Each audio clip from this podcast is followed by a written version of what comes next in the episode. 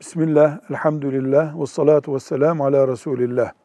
Deniyor ki, Darul Harp'te faiz helal imiş. Faiz hiçbir yerde helal olamaz.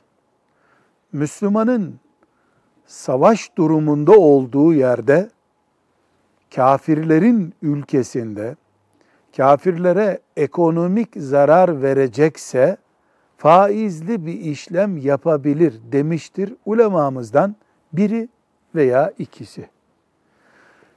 Eğer bir yer darul harp kabul ediliyorsa, Müslüman orada evi, barkı olmayan insan demektir. Cihat için bulunduğu yer demektir.